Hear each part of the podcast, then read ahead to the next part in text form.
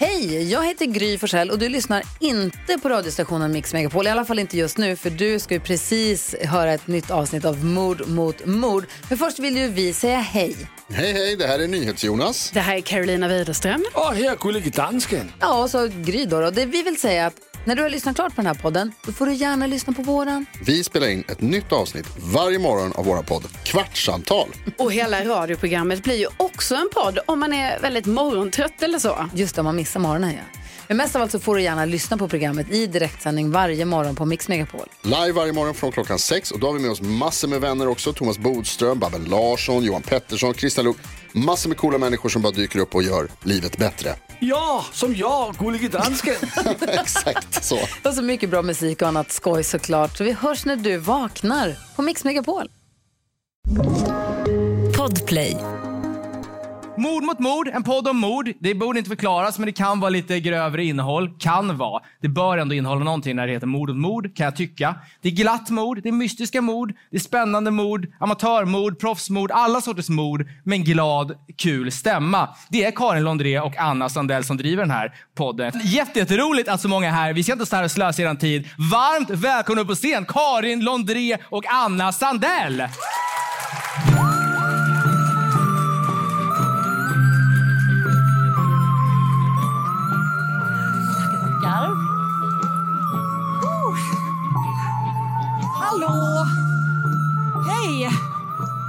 Inget, inget hej. Bra. Ah, Gud, Vad kul att vara här. vad många ni var här framifrån. Ni var så få där bakifrån. Bakifrån. Det var liksom en annan ångest. Verkligen. Man bara, det är ingen här. Men Så det här Ja, känns, det känns som att eh, en väldigt bra, bra publik känns det som redan nu när vi får se era ansikten. här. ja, men nu är det toppen. dags för er att leva upp till de förväntningarna. Verkligen. Höga krav. Höga Exakt. krav. Eh, nej men, eh, som sagt, vi, eh, jag heter Karin André. Jag heter Anna Sandell. Anna Sandell. Eh, och tillsammans så har vi då de senaste vad ska vi säga, fem åren Fem åren ganska exakt va? gjort eh, den här skiten. Ehm, ja, men våran podd eh, Mord mot mord då, som helt enkelt, eh, som Viktor sa, eh, handlar om mord Och mycket annat. och mycket annat. Är det Eh, någon som aldrig har hört oss kanske vi ska börja med att fråga? Ja, man kan applådera om man inte har hört oss. Ja, men några stycken. några här på front row till och med. Men framförallt då tänker jag så här, hur många är det som har hört den? Fler! I like those odds. eh, nej men, eh, vanligtvis när man är på våra livepoddar och inte har hört vår podd så brukar man vara en medsläpad pojkvän. Eh, har vi några såna här idag? Inte en enda. Otroligt. Min pappa sitter där borta, han är lite medsläpad. Eh, så att vi, har liksom, vi fyller ändå medsläpad man-kvoten, perfekt. tänker jag bra. Ehm, idag då så kommer vi alltså att eh, berätta om ett fall för er. Um, och I den här podden då så berättar vi absolut om mord. Um, vi berättar också om liksom, mysterier, om typ, kanske kidnappningar, om olösta brott. Uh, vi berättar om bedragare. Vi gillar båda två en bedragarhistoria. Eh, och liksom ibland bara en jättekonstig historia. Ehm, och det här fallet som vi ska ta oss an idag prickar liksom i typ alla de Ja, boxarna. kanske alla till och med. Ja, konstig historia, absolut, men också mycket annat.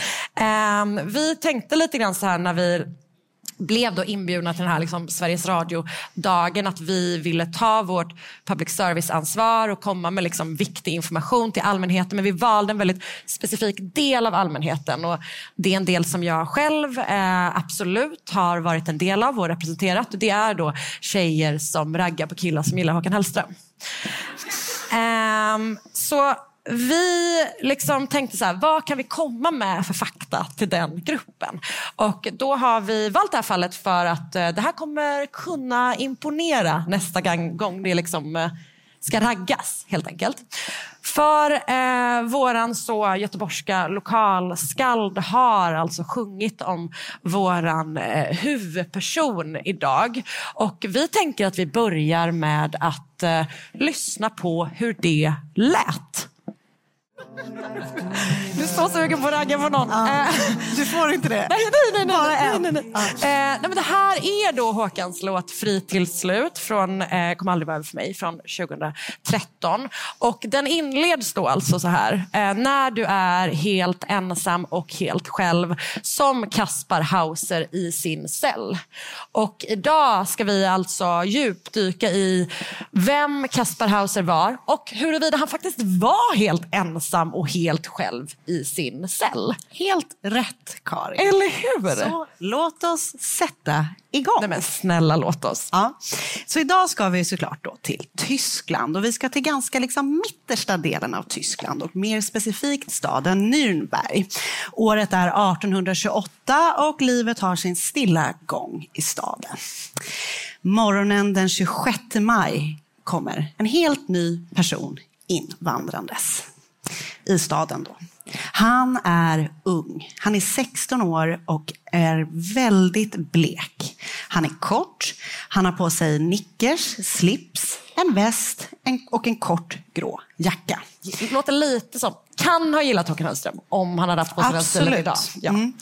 Han har trasiga skor på sig och i någon ficka så har han en näsduk. Och näsduken är broderad med en endaste bokstav, ett ensamt K.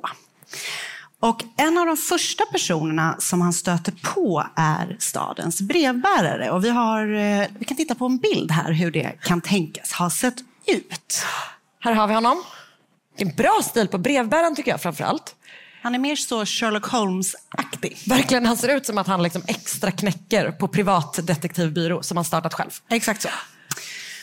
Och en, av, eh, en sak som liksom folk reagerar på när de ser den här killen komma invandrandes i staden är att eh, han går väldigt speciellt. Det har beskrivits som att det såg ut som att han precis har lärt sig att gå. Och vi ska titta på en liksom lite mer liksom street style-bild, som vi kallade det, eh, på hur han faktiskt såg ut. Så här Jag, har jag vi tycker att det, honom. det här är alltså nickers. Det här är nickers. Och det, för jag hade nog kallat dem så piratbyxor kanske. Det är ett annat ord. Ja. Jag, jag vet inte, det känns... ehm, jag vet inte, säger man inte nickers? Min pappa hade det när han åkte långfärdsskridskor när jag var liten. Det är min relation till nickers. Ehm, men det som också är ju slående med den här bilden är att han har såna himla Ulf Kristersson-vader. Så schyssta. Alltså han har så starka vader. Ja. Det är, alltså, jag funderar lite grann på om det är därför de säger att skorna är trasiga. Alltså att de har liksom börjat spräckt i sömmarna. Mycket möjligt. Ehm, och utöver de här kläderna då som vi ser och näsduken som han hade i fickan så hade han också två brev med sig. Breven var adresserade till en kapten von Wessenig som då var kapten i militären. Så den här killen han tas med till kaptenen och där tittar man på breven.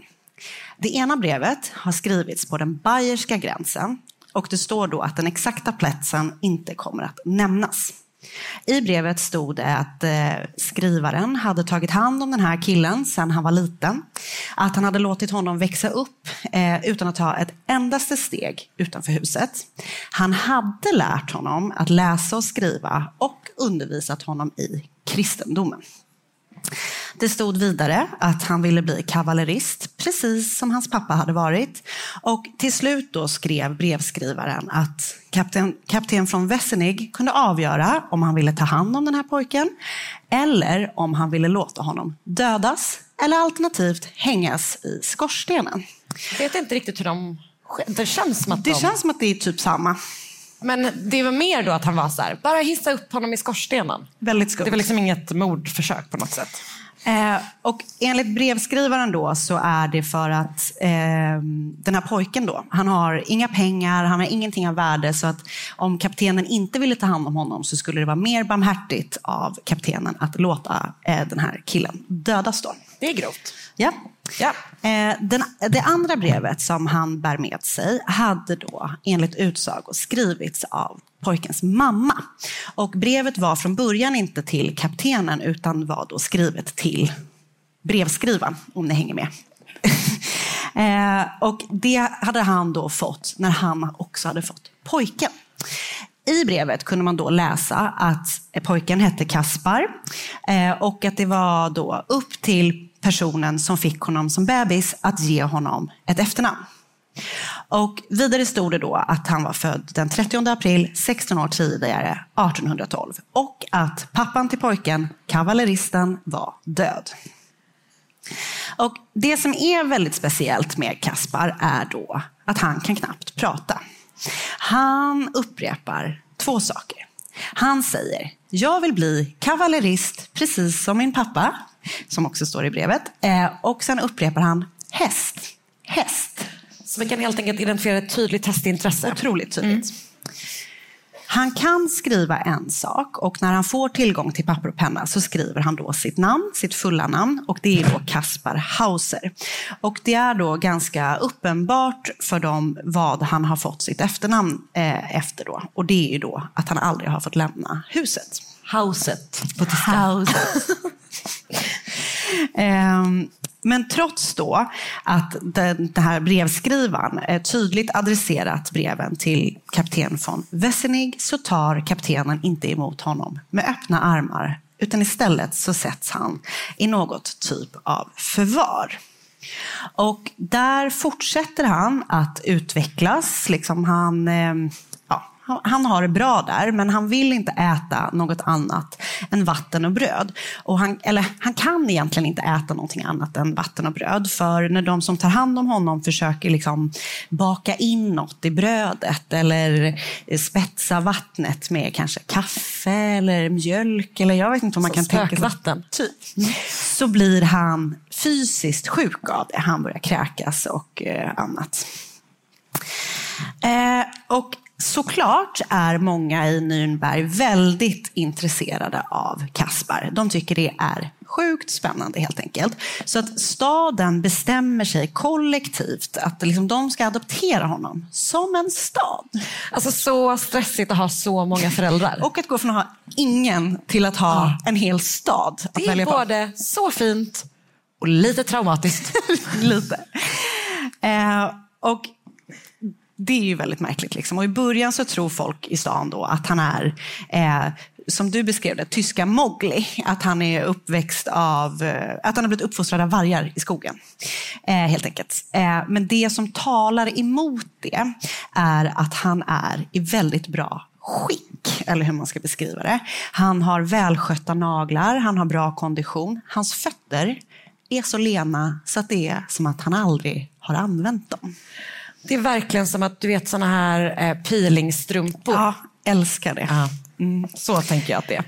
Och ni såg ju hur stora vader han har, så att han är ju liksom, även de är i god kondition. Absolut. Eh, och ju längre tid som Kaspar är i det här förvaret då, så börjar han öppna upp sig, han lär sig prata och börjar berätta var han kommer ifrån.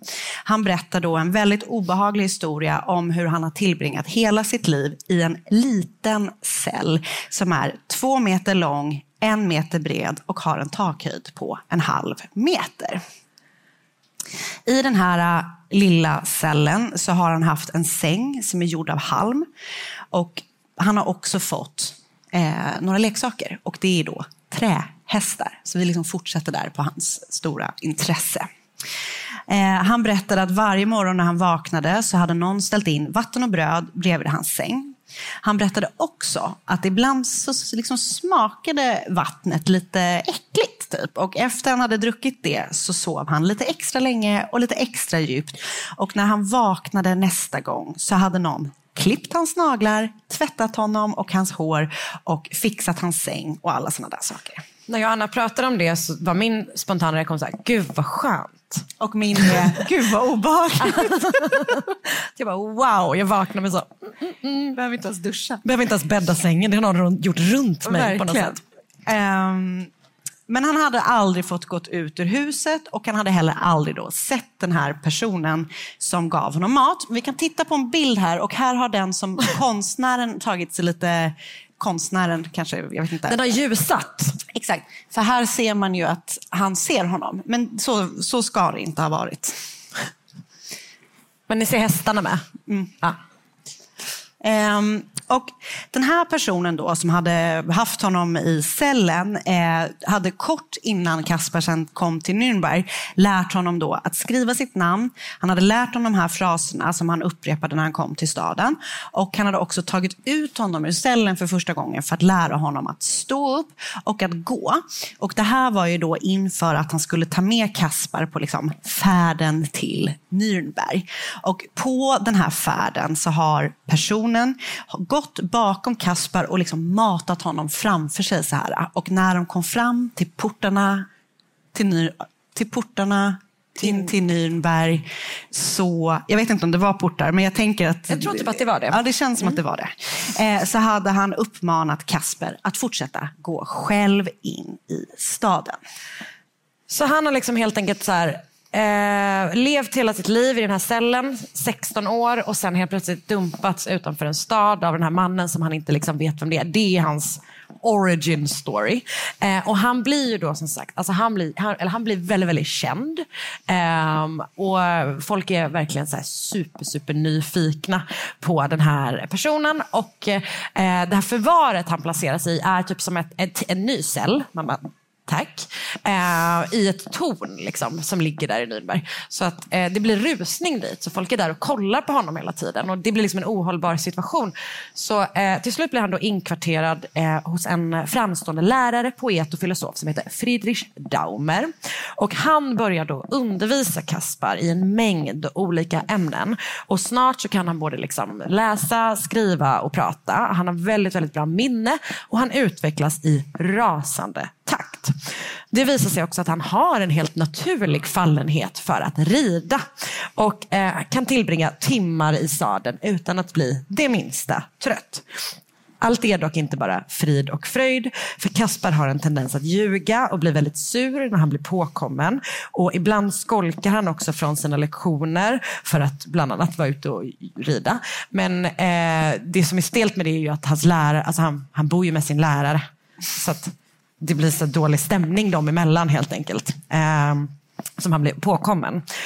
Och på tal om den här läraren då, så är han inte bara då som sagt poet, lärare och filosof. Han är också väldigt intresserad av eh, homeopatiska experiment. Mm. Så det gör han på Kaspar. Mångfacetterad man. Han är en mångfacetterad man, absolut. Eh, så han håller på att testa honom med massa olika saker och bland annat med typ magneter har han någon grej med. Och han tycker att han får liksom ovanliga resultat, att han har liksom mer än vad Eh, gemene man reagerar på de här sakerna. Så att det tycker han också är väldigt spännande. Um, Kasper visar sig också vara väldigt bra på att rita. Ja, vi har med två bilder som han har ritat. Han målade också väldigt fina fruktstilleben. Men jag valde ut mina favoriter. Så vi kan börja här. Det här är eh, Kaspars eh, självporträtt, tror man. Det finns källor som säger att den har målats under trans. Jag vet inte riktigt. Han har så Eh, liten gullig mun, men det är liksom som att det är någonting extra den är liksom, på den. den. är väldigt put, eh, pussig. Ja, den tycker jag är härlig. Ja, fin. Sen har vi nästa bild. Ehm, som... eh, den här gillar jag väldigt mycket. Mycket gillar den för att eh, det ser ut som någon slags vapensköld där typ en iller fäktas. Vilket jag är väldigt förtjust i. Men när jag sa det till Anna så sa hon, eh, ja det är så vapensköldar ser ut. Men jag vet inte. Men jag menar mer bara att det känns som att det är väldigt konstiga motiv i Ja. sånt. Att det är eh, House of Illa. Jag tror ju också att, eh, att det finns en anledning till att jag gillar den här väldigt mycket och det är för att jag drack en öl mycket i min ungdom som hade en just illrar, gycklarmössor som fäktades på den. Den är stark. Eh, så det kan ha med det att göra också. Ehm, ja. Och Kasper har då inte bara blivit en kändis i Nürnberg utan det skrivs, diskuteras och skvallras om Kasper över hela Europa. Alltså jag försökte verkligen komma på alltså en, en- liksom en nutida jämförelse, det vill säga en superkänd tysk. Men den enda jag kom var, så jag bara, så här, är det Angela Merkel? sen, nej, men det är nog ändå Hon är väl superkänd tysk? Alltså hon är en superkänd Ja. tysk. Eh, det får man ju ge Inte- henne. Men det Men det inte- skvallras inte så mycket kanske om henne. Nej. I övrigt så är det väldigt lite Mm. likheter tror jag. Ehm, men ehm, det här liksom, så som kändisskap gör så eh, svalnar ju intresset för Kaspar över tiden. Ehm, och det var nog inte helt lätt för honom. Och kanske är det därför han bestämmer sig för att skriva sin självbiografi. Och han är då drygt 18 år gammal. Kanske en av de sämsta tiderna i livet att skriva sina memoarer. Fram, ja, framförallt när man liksom också har haft ett väldigt eh, skyddat liv. Alltså sex, första 16 åren, Ja. de avhandlar man ju ändå ganska snabbt. Ja. Ja. Ja, det är häst, häst. och ibland kom någon och klippte mina naglar. Eh, men det gör han i alla fall och man tror att det kanske har att göra med just att han så, saknar rampljuset. Liksom. Intresset har svalnat, han behöver mer uppmärksamhet och sådär. Eh, men det här då att han ska försöka ge sig på att skriva den här boken är, ett, liksom, det är hans kanske minsta problem. För snart står det klart att någon vill Kaspar Hauser illa. Den 17 oktober 1829 sitter Kaspar på dass hemma hos Friedrich Daum- Daumer. Eh, han har också, kan vi säga, fortsatt, liksom, han har svåra problem att svälta smälta annan mat än eh, bröd. Så han är som, eh, han sitter där Han är frekvent besökare. Exakt. På.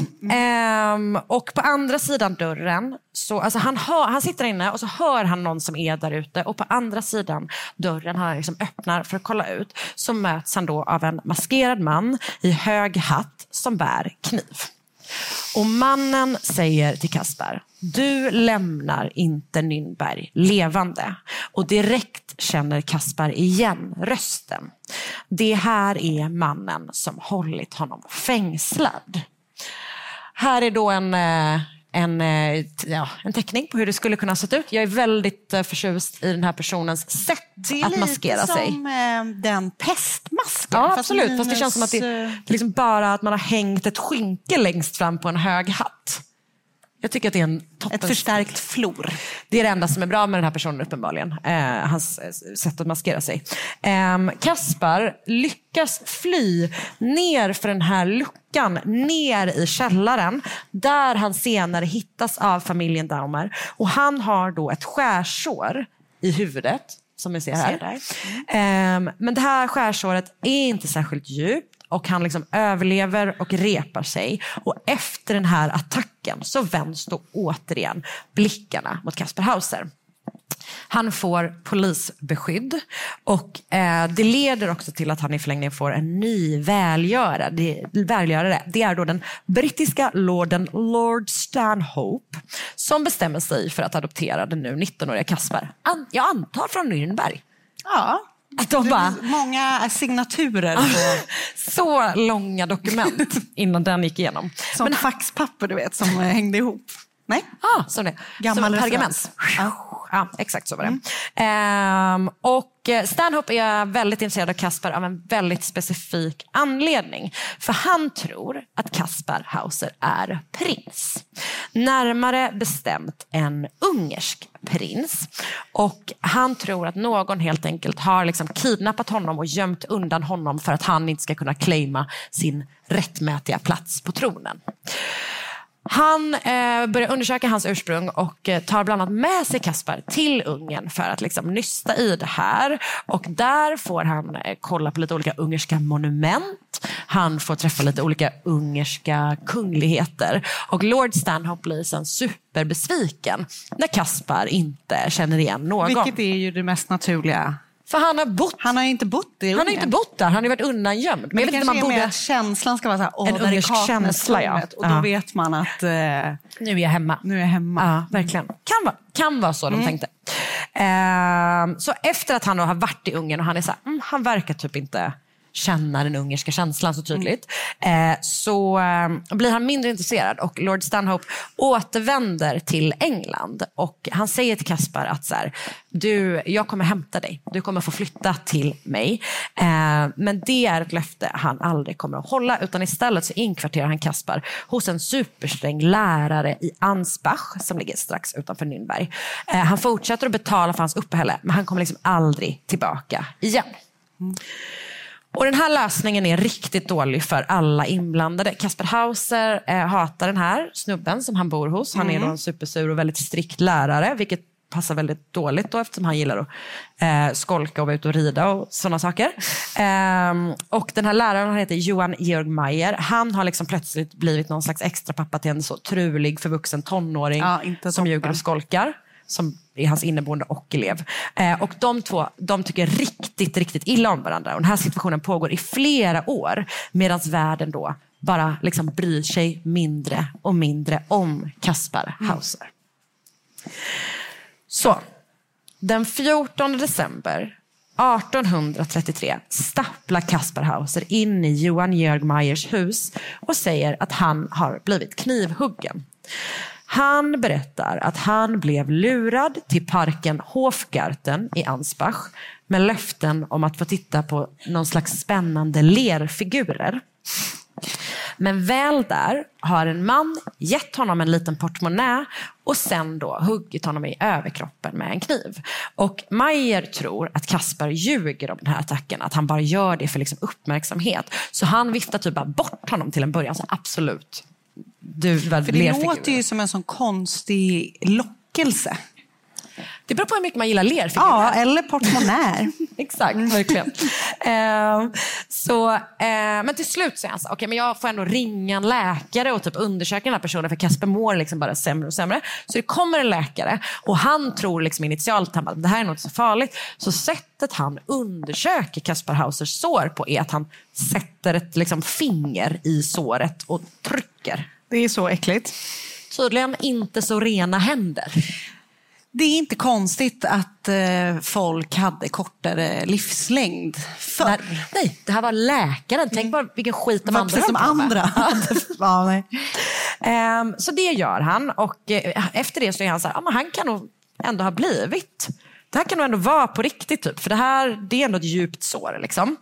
Eh, men Mayer håller inte med, men till slut tillkallar han polisen och, och sen övertalar han typ polisen om, att, om hans liksom, teori om att det här är Kasper, någonting Kasper typ har gjort mot sig själv för, för uppmärksamhet. Eh, men när de besöker den här Hofgartenparken så hittar de mycket riktigt en portmonnä. Och I den portmonnän så ligger ett brev. Och Det här brevet är skrivet på alltså bak och fram, som spegelskrift. Man måste hålla det framför en spegel. Liksom, Det är så det. krångligt sätt att bara göra det för. På, säger man. Men fast, vet du vad? Jag ska också säga så här, som kod betraktat, väldigt enkelt. Ja, Alltså okej. det är inte Zodiac direkt. Men det är det enklare än till exempel rövarspråket. Du, det, bara, det står faktiskt här att de skrev de flesta breven på rövarspråket. Nej, men I det här brevet, när man då håller upp det framför spegeln, så står det så här. Hauser kan berätta precis hur jag ser ut och var jag kommer ifrån. Men för att bespara honom ansträngningen säger jag det själv. Jag kommer från blankt, gränsen till Bayern blankt, vid ån blankt. Jag kan till och med berätta namnet M. M-L-Ö. Så han gjorde ju ingenting Han gjorde egentligen. ingenting. Nej. Nej. Han gjorde det kanske ännu mer Det var ett väldigt mystiskt. krångligt sätt att berätta absolut Ja. ingenting. Uppmärksamhetskrävande. Ja, exakt. För ingenting. Jo, men och det är väl också så som, alltså, om, så här, det är väl exakt så eh, folk som vi läser om som skriver olika saker i kod. Det är Ja. ju exakt det de vill. De tycker att de är smartare än någon annan. But De vill liksom not. säga allt utan att säga något. Poddtips från Podplay. I podden Något Kaiko garanterar östgötarna Brutti och jag, Davva, dig en stor dos skratt. Där följer jag pladask för köttätandet igen. Man är lite som en jävla vampyr. Man har fått lite blodsmak och då måste man ha mer. Udda spaningar, fängslande anekdoter och en och annan arg rant. Jag måste ha mitt kaffe på morgonen för annars är jag ingen trevlig människa. Då är du ingen trevlig människa, punkt. Något Kaiko, hör du på Podplay. Därför är gardinerna.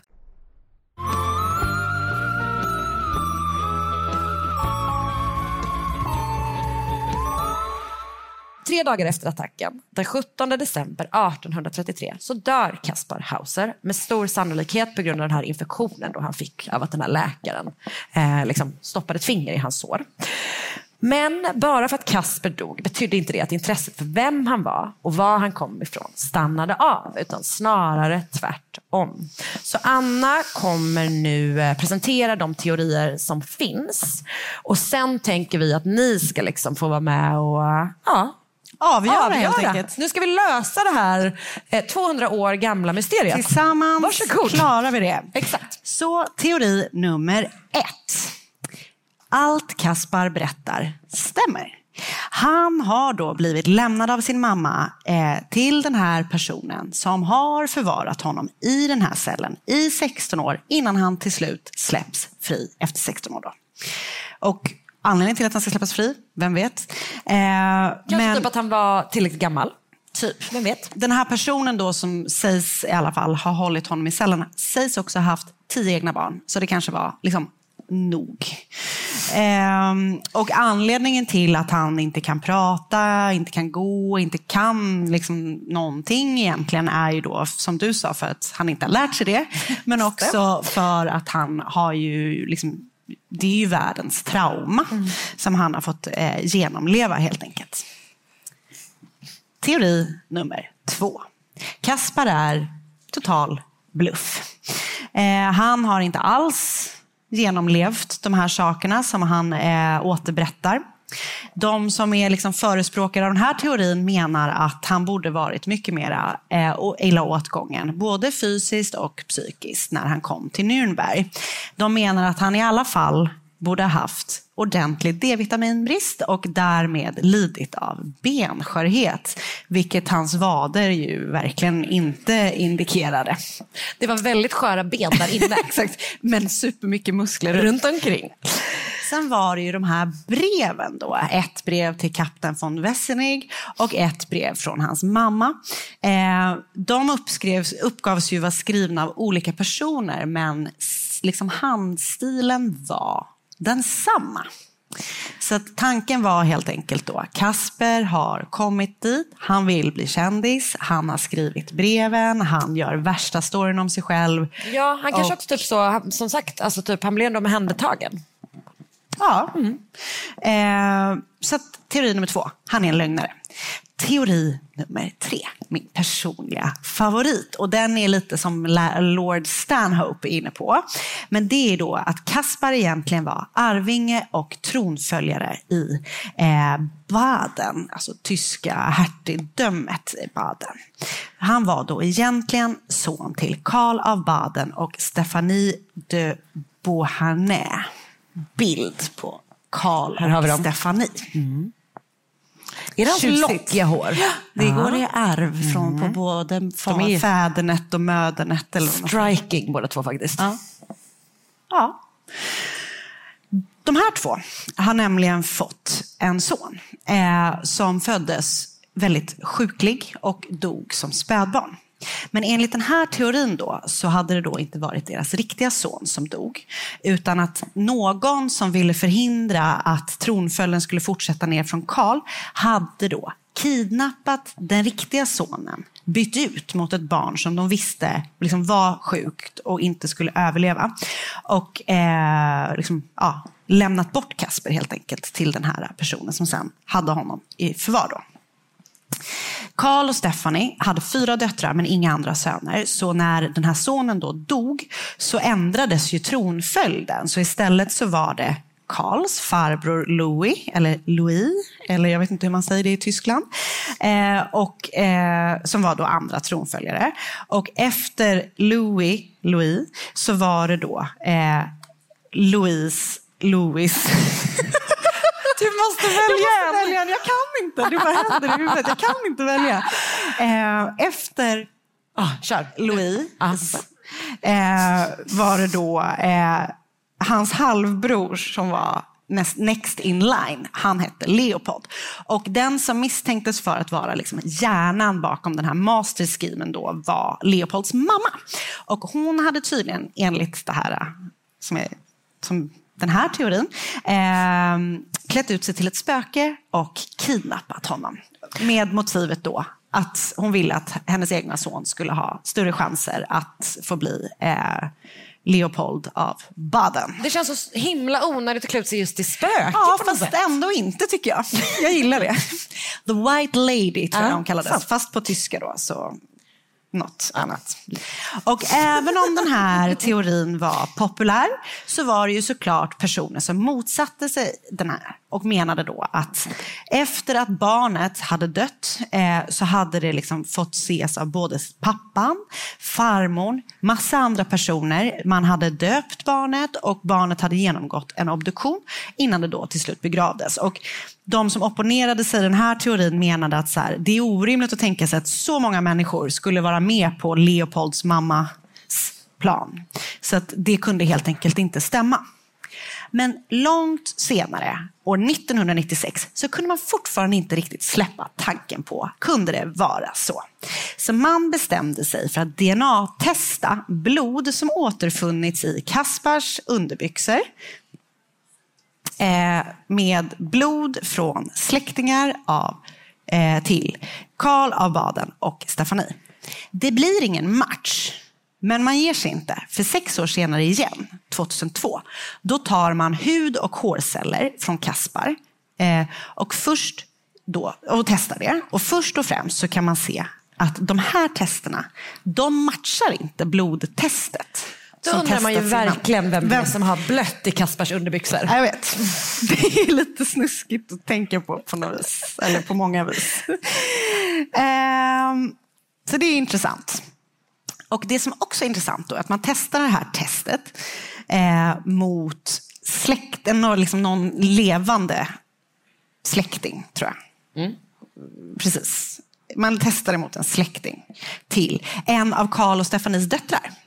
Och även om det liksom inte blir en exakt match var skillnaderna så små att man inte heller kan utesluta att det fanns ett släktskap. Däremot så tillåts det liksom inte att tas några tester från Stefanie eller från den här pojken som då begravdes. Men det finns en möjlighet. Det finns en möjlighet. Så ett, det, är liksom, det drar någonting med. Teori tre, han är eh, helt enkelt... Han är kunglig? Han är, ja, hertig i alla fall. Hertig. Bra. Eh, och de här attackerna på Kaspar kan ju liksom tolkas, eh, beroende på vad man tror, så tolkas det liksom lite olika kan man säga. Alltså de som är, tror att han är arvtagare då till Badenhuset tror, tolkar det som att så här, det är någon som vill mörda honom för att han inte ska göra anspråk på tronen. Eh, de som tror på den här originalhistorien om den här eh, ettan som höll Kavalleristen. Kavalleristen, tack. Eh, de tror att, så här, de vill inte, att den här snubben som hade honom fången vill inte att han skulle bli avslöjad. Och de som tror att Kasper är en bedragare tror att Kasper har gjort det mot sig själv. Och det visar sig att Kasper hade tränat väldigt mycket just på att skriva spegelskrift. Ehm, men samtidigt så har man ända sedan dess, liksom, även med modern typ, forskning, kollat på så här, hade han kunnat göra det här mot sig själv? Man har sett på såret och liksom, forskat på det. Och det finns en del forskare som menar att det är omöjligt. Men det är liksom lite så inconclusive om huruvida eh, han kan ha eh, gjort det här mot sig själv eller inte. Och eh, nu då så vill vi att ni eh, ska liksom eh, men nu vi ska ni testa bestämma. teorierna på er. Så att nu är det upp till er att liksom eh, avgöra vad som stämmer. Så att jag kommer sen att bestämma vem som vann.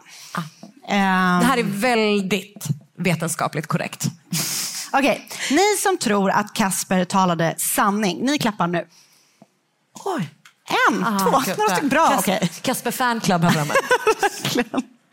Ni som tror att Kaspar kort och gott var en fraud, ni klappar nu. Ja. Fler som tror det i alla fall. Okej, ni som tror att Kaspar egentligen var eh, arvinge till Karl av eh, Baden och Stefanie, ni klappar nu. Ja, Anna. tydlig vinnare. Vilken då? Teori tre. Som av en händelse. Nej, men eh, ja. Men det, känns, jag tycker att det ja. känns bra att nu har vi då alltså utrett att det finns en möjlighet att, eller att Håkan Hellström behöver inte ändra sin text. Nej. Alltså han var kanske ensam och helt själv i sin cell för att han då var någon slags hertig. Eh, och Kaspar, alltså han har ju varit liksom något slags mysterium från början till slut. Och i, eh, man är fort, finns jättemånga som fortfarande är superfascinerade av honom. I både Ansbach och Nürnberg finns torg och gator som är döpta efter Kaspar Hauser. På platsen i Hofgarten där han mötte sin mördare Norge finns ett monument och två Kaspar Hauser-statyer står på ett torg i Ansbach.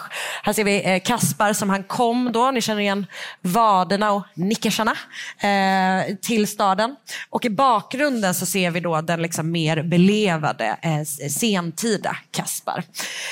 Ehm, och Kaspar begravdes på Stadfriedhof i Ansbach och på hans gravsten så står det här vilar Kaspar Hauser, sin tids största gåta. Hans födsel var okänd och hans död mystisk. Det var det vi hade velat allt från oss! Podplay. Poddtips från Podplay. I podden Något Kaiko garanterar östgötarna Brutti och jag, Davva, dig en stor dos skratt. Där följer jag pladask för köttätandet igen. Man är lite som en jävla vampyr. Man har fått lite blodsmak och då måste man ha mer. Udda spaningar, fängslande anekdoter och en och annan arg rant. Jag måste ha mitt kaffe på morgonen för annars är jag ingen trevlig människa. Då är du ingen trevlig människa, punkt. Något Kaiko, hör du på Podplay. Därför är gardinerna.